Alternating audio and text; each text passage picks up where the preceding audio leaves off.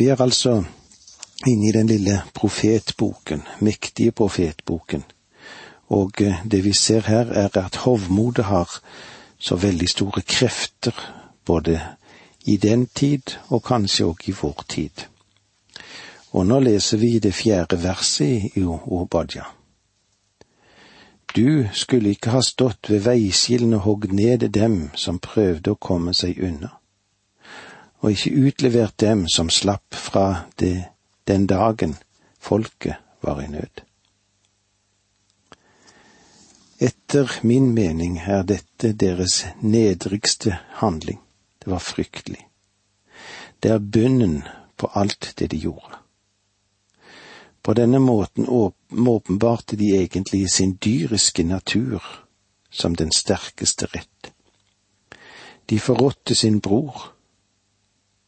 Du forstår at da Nebukaneser okkuperte Jerusalem, var det mange innbyggere som flyktet, og noen av dem kom seg til fjellandet Edom. Der kunne de skjule seg men edomittene anga disse innbyggerne fra Jerusalem og fortalte fienden hvor de skjulte seg. Når så babylonske soldater kom langs veien og spurte edomittene om de hadde sett noen israelere gå opp gjennom fjellene, så ga de ikke fem øre for å anvise det i de stedene hvor disse forskremte Jerusalemsfolkene skjulte seg. De forrådte altså sine brødre. Det var en dyktig forretningsmann her for litt siden. Han sa det slik at forretningsverden, den har blitt stadig mer spørsmål om høk over høk. Slik vil det alltid bli om vi lever vårt liv uten Gud. Menneskene, de vil skape et navn for seg selv. Menneskene, de vil ha penger. De vil ha suksess. Og hva ligger egentlig bak dette? Hovmod. Hva er hovmod? Det er en livsholdning uten Gud. Den fører mennesket til å forråde andre mennesker. Den vil få meg til å forråde en medarbeider for at jeg skal kunne ha en jobb. Og at mange vil late som de er venner, mens de egentlig er fiender. Det er et tegn på et sykt samfunn, det. Jeg vil gjerne latt være med å si dette, men noe av denne holdningen er også i ferd med å trenge seg inn i menigheter og i kristne grupper. Her er det også blitt et spørsmål om stillinger, av et avansement, en god plattform og et lukrativt utkomme. Ser du nå hvorfor Gud avskyr hovmod? Den får mennesker til å handle som dyr. Og sannheten er at et menneske, når det forsøker å leve uten Gud, egentlig styrer seg selv lavere enn dyrene. Derfor er Obadja sin bok, som Gud har gitt oss, et rystende svar på hva hovmod fører til. Vi vil gjerne tro at vi står over dyrene, og slik hadde også Gud tenkt det. Men faktum er at mennesket er den eneste skapning som kan synke dypere enn dyrene. Og hvorfor? Jo, takket være hovmodet. Til stadighet sier Gud at han avskyr hovmod. Han har aldri bedt meg om å unnskylde ham for det. Har han gjort det for deg? For at du skal få se forholdet mellom Edom og Israel, så la oss rykke frem til Kristi tid. Jeg ser en mann som vandrer ved Galileasjøen, langs de støvete veiene i Samaria og gjennom de trange gatene i Jerusalem. Hans navn er Jesus. Han kommer fra Jakobs linje. Jeg ser også en annen mann som sitter på tronene disse årene. Vet du hva hans navn er? Navnet hans er Herodes, og Skriften er meget nøye med å identifisere ham. Herodes, idumeren, edumitten, fra Esaias sin linje. Da kommer det en advarsel til den Herre Jesus for å flykte på grunn av at Herodes ville drepe ham, så svarte han. Gå og si til den reven. Rev, ja, rev, ja. Da skal du se hva det står i Lukas 13, 32. Gå og si til den reven. I dag og i morgen driver jeg ut onde ånder og helbreder syke, og den tredje dagen er jeg ved målet. Og eh, da Jesus til sist ble ført frem for ham for å dømmes, så ville han ikke engang åpne sin munn foran Herodes. Der står de da disse, Jesus og Herodes, Jakob og Esau. Katastrofen for Edom. Vi ser nå i vers 15. For Herrens dag er nær over alle menneskeslagene. Som du har gjort, skal det gjøres med deg. Gjengjeldelsen kommer over ditt hode. For Herrens dag er nær.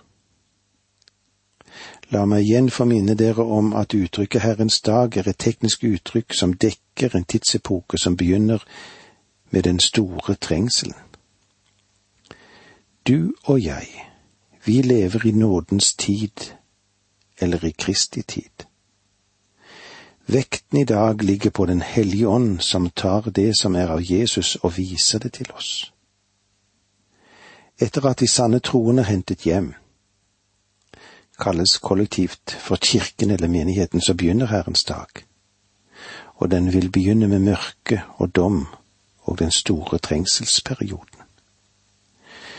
Det som følger etter denne fryktelige tid, er rettferdighetens sol, som vil gå opp med helbredelse under sine vinger, og som vil være et faktum når den Herre Jesus Kristus kommer til jorden for å opprette sitt rike. For Herrens dag er nær over alle folkeslagene, og det vil si alle nasjonene. Når Jesus er kommet til jord for å opprette sitt rike, vil det være en dom over nasjonene, som Herren har beskrevet så klart for oss i Matteus 25. Nå må jeg si at det ikke er klart om de gamle nasjoner som nå er borte, vil reises opp igjen til doms, om det vil skje da, eller om denne dommen vil være den avsluttende dommen ved den store, hvite trone, som vi leser om i Åpenbaringen 20, 11-15. Jeg så en stor, hvit trone og ham som satt på den. Jord og himmel svant bort, for hans åsyne var ikke lenger til. Og jeg så de døde, både store og små. De sto foran tronen, og bøker ble åpnet. Så ble en annen bok åpnet, Livets bok, og de døde ble dømt etter det som sto skrevet i bøkene etter sine gjerninger. Havet ga så sine døde tilbake, og døden og dødsriket ga tilbake de døde som var der. Enhver ble dømt etter sine gjerninger. Så ble døden og dødsriket kastet i ildsjøen, og ildsjøen, det er den annen død. Og om noen ikke var skrevet inn i livets bok, ble han kastet i ildsjøen. Her skiller nok fortolkerne seg fra hverandre, men la meg få gi deg mitt personlige synspunkt. Mange kan sikkert være uenige med meg, men la meg få gi deg litt av min oppfatning hva jeg tror Obadja mener når han sier, for Herrens dag er nær over alle folkeslagene. Jeg tror at han mener at Edom igjen skal bli et folk under endetiden. Og om det skulle være slik at du tviler på det, så se på Israel. I 2500 år var Israel ikke noe folk, men i 1948 ble de samlet til et folk igjen. Når Obodja sier at Herrens dag er nær over alle folkeslagene, så tolker jeg det slik at han mener alle folkeslag, inkludert de gamle folkeslag som igjen skal stå frem og bli dømt. Og med disse ordene må vi si takk for nå, må Gud være med deg. Dette undervisningsprogrammet består av to deler. Åge Nevland fortsetter nå med andre del av dagens undervisning. Vi er i profeten Obadja. Vi er eh, inne i dette lille skriftavsnittet som består av 21 vers. En liten atombombe, kan vi si, i Det gamle testamentet. Og eh, det viser oss også hva som vil skje i den siste tidsepoke hvordan det vil være før Jesus kommer igjen for å hente sine. I det femtende verset her i Obadja leser vi slik. For Herrens dag er nær over alle folkeslagene, som du har gjort. Skal det gjøres med deg? Gjengjeldelsen kommer over ditt hode. For Herrens dag er nær over alle folkeslagene. De som tolker Bibelen, ser litt forskjellig på dette. Noen fortolkere tror at Edom skal erfare Guds fulle vrede, at den kommer over dem når den Herre Jesus selv holder dom over Edom og dets allierte. La oss se hva det står skrevet i Jesaja 63, 1-6. Hvem er han som kommer fra Edom, fra Bosra i blodrøde klær? han som er så prektig kledd og skrider frem i sin store kraft. Det er jeg, jeg som taler i rettferd, jeg som har makt til å frelse. Hvorfor er din kappe så rød, lik klærne til en som tråkker druer? Alene tråkket jeg i vinpressen av folkene, var ingen med meg.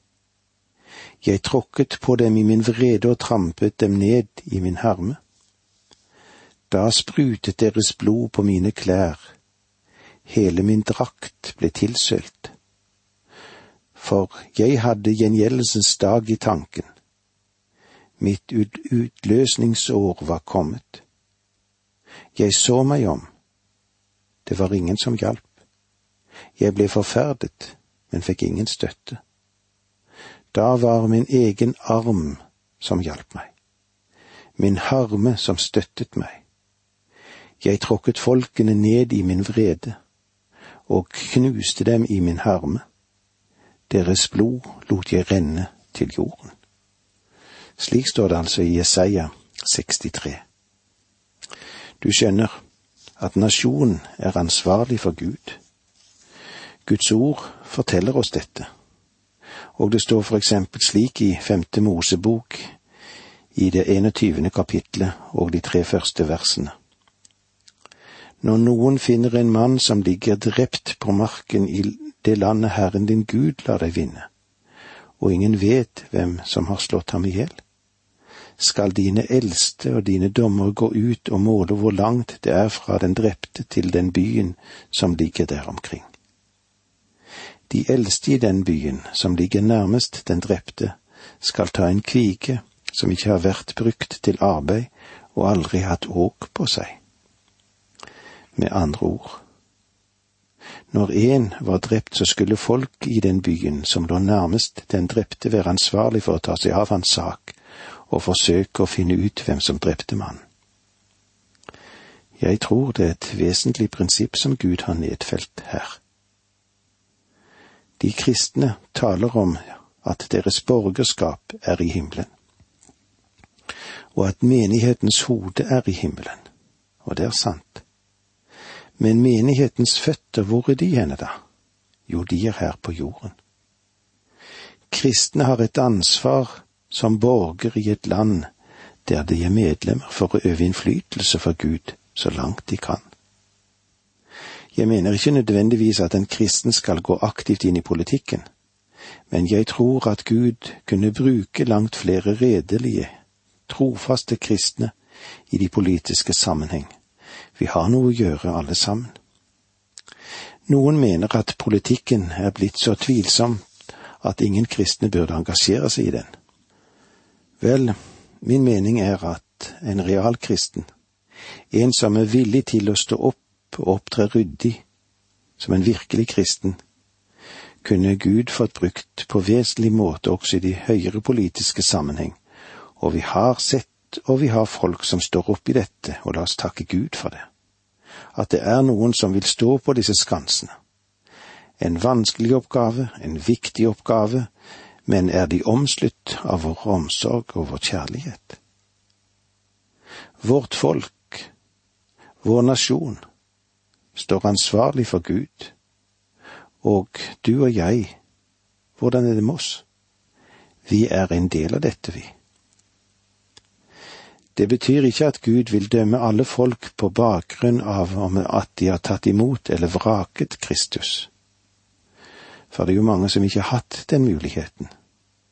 Og det gjenstår egentlig å se en nasjon som helhjertet har tatt imot Kristus. Sånn sett er det et mistak å tale om et folk som et kristent folk. Mens det er sant at kristne har hatt en sterk innflytelse på visse folkeslag, som for eksempel for oss som bor i de skandinaviske områdene. Eller for den saks skyld England. Eller vi kunne kanskje òg ta med USA. Eller Tyskland. Ja, så må det være galt å kalle noen av dem for Guds eget land. Guds own country. For det er langt fra noen av oss som kan si noe slikt. Som du har gjort, skal det gjøres mot deg. Gjengjeldelsen kommer over ditt hode. Edom ble ødelagt nøyaktig slik som Obadja hadde forutsagt. Han hadde fortalt det. Først ble de okkupert av Babylon, en tid etter at Jerusalem var ødelagt. Og det skjedde ved at en fikk lurt spioner inn i hovedstaden Petra, den byen som var så uinntagelig. Senere så var det makaderene som i underkuet Edom, og til slutt ødela romerne Edom, da de hadde ødelagt Jerusalem i år 70 etter Kristus. Og det var da Edom opphørte, den ble hørt opp og sluttet som nasjon. Og eh, har aldri utgjort et folk senere. Om Edom igjen skal reise seg som en nasjon eller ikke, det er høyst diskutabelt. Det betyr jo ingenting verken for deg eller meg. Men eh, det synes som om Guds ord antyder at dette folket skal finne sin plass igjen. Vi leser vers 16. Som dere drakk på mitt hellige fjell, skal alle folkene stadig drikke. De skal drikke i fulle drag og bli som om de aldri hadde vært til. Med andre ord sier Gud til Edom, slik du har gjort, skal det bli gjort med deg også. Du skal lønnes på samme måte som du har lønnet andre. Det er dette vi i dag kaller poetisk rettferdighet, justalionens loven om gjengjeldelse. Den Herre Jesus sa det slik, som du dømmer, skal du selv bli dømt. Eller, det et menneske sår, det skal det også høste. Edom skal lide på samme måte som de har forårsaket lidelse. Historien i lengdesnittet bekrefter at et menneske har delt ut det det har, også senere skal bli fanget inn i det de har selv holdt på med. Dette har vist seg gjentatte ganger i historiens løp, og er et kjent tema i historiefilosofien. Israel gjenopprettelse. I versene 17 til og med 21 kommer vi til andre og den siste hoveddel av Obadia sin bok. Dette avsnittet dekker bare noen få vers, og det angår folket Israel. For Edom gikk det mot ødeleggelse men for Israel, ja, hva med Israel? Jo, med Israel går det mot en gjenopprettelse. Det lille folket Israel passer inn i den allmektige Guds program. Alt passer inn i den allmektiges program. Alle menneskene. Det betyr altså ikke hvem du er. Så er det interessant å tenke på at Gud tenkte på deg uten at du kunne ha hatt noen innflytelse på hvor du havnet, og hvor du er, og hvem du er. Du har alltid vært i Guds tanker. Det store spørsmålet er, skal du holde takten med ham? Skal du gå inn i evigheten sammen med ham eller mot ham? Hans plan og hans program, det vil bli virkeliggjort, og det vil være bra for deg om du står på hans side. Den tiden som vi lever i, er en realistisk tid, syns ikke du òg det? Det er på en måte en god tid, men det er òg en vond tid.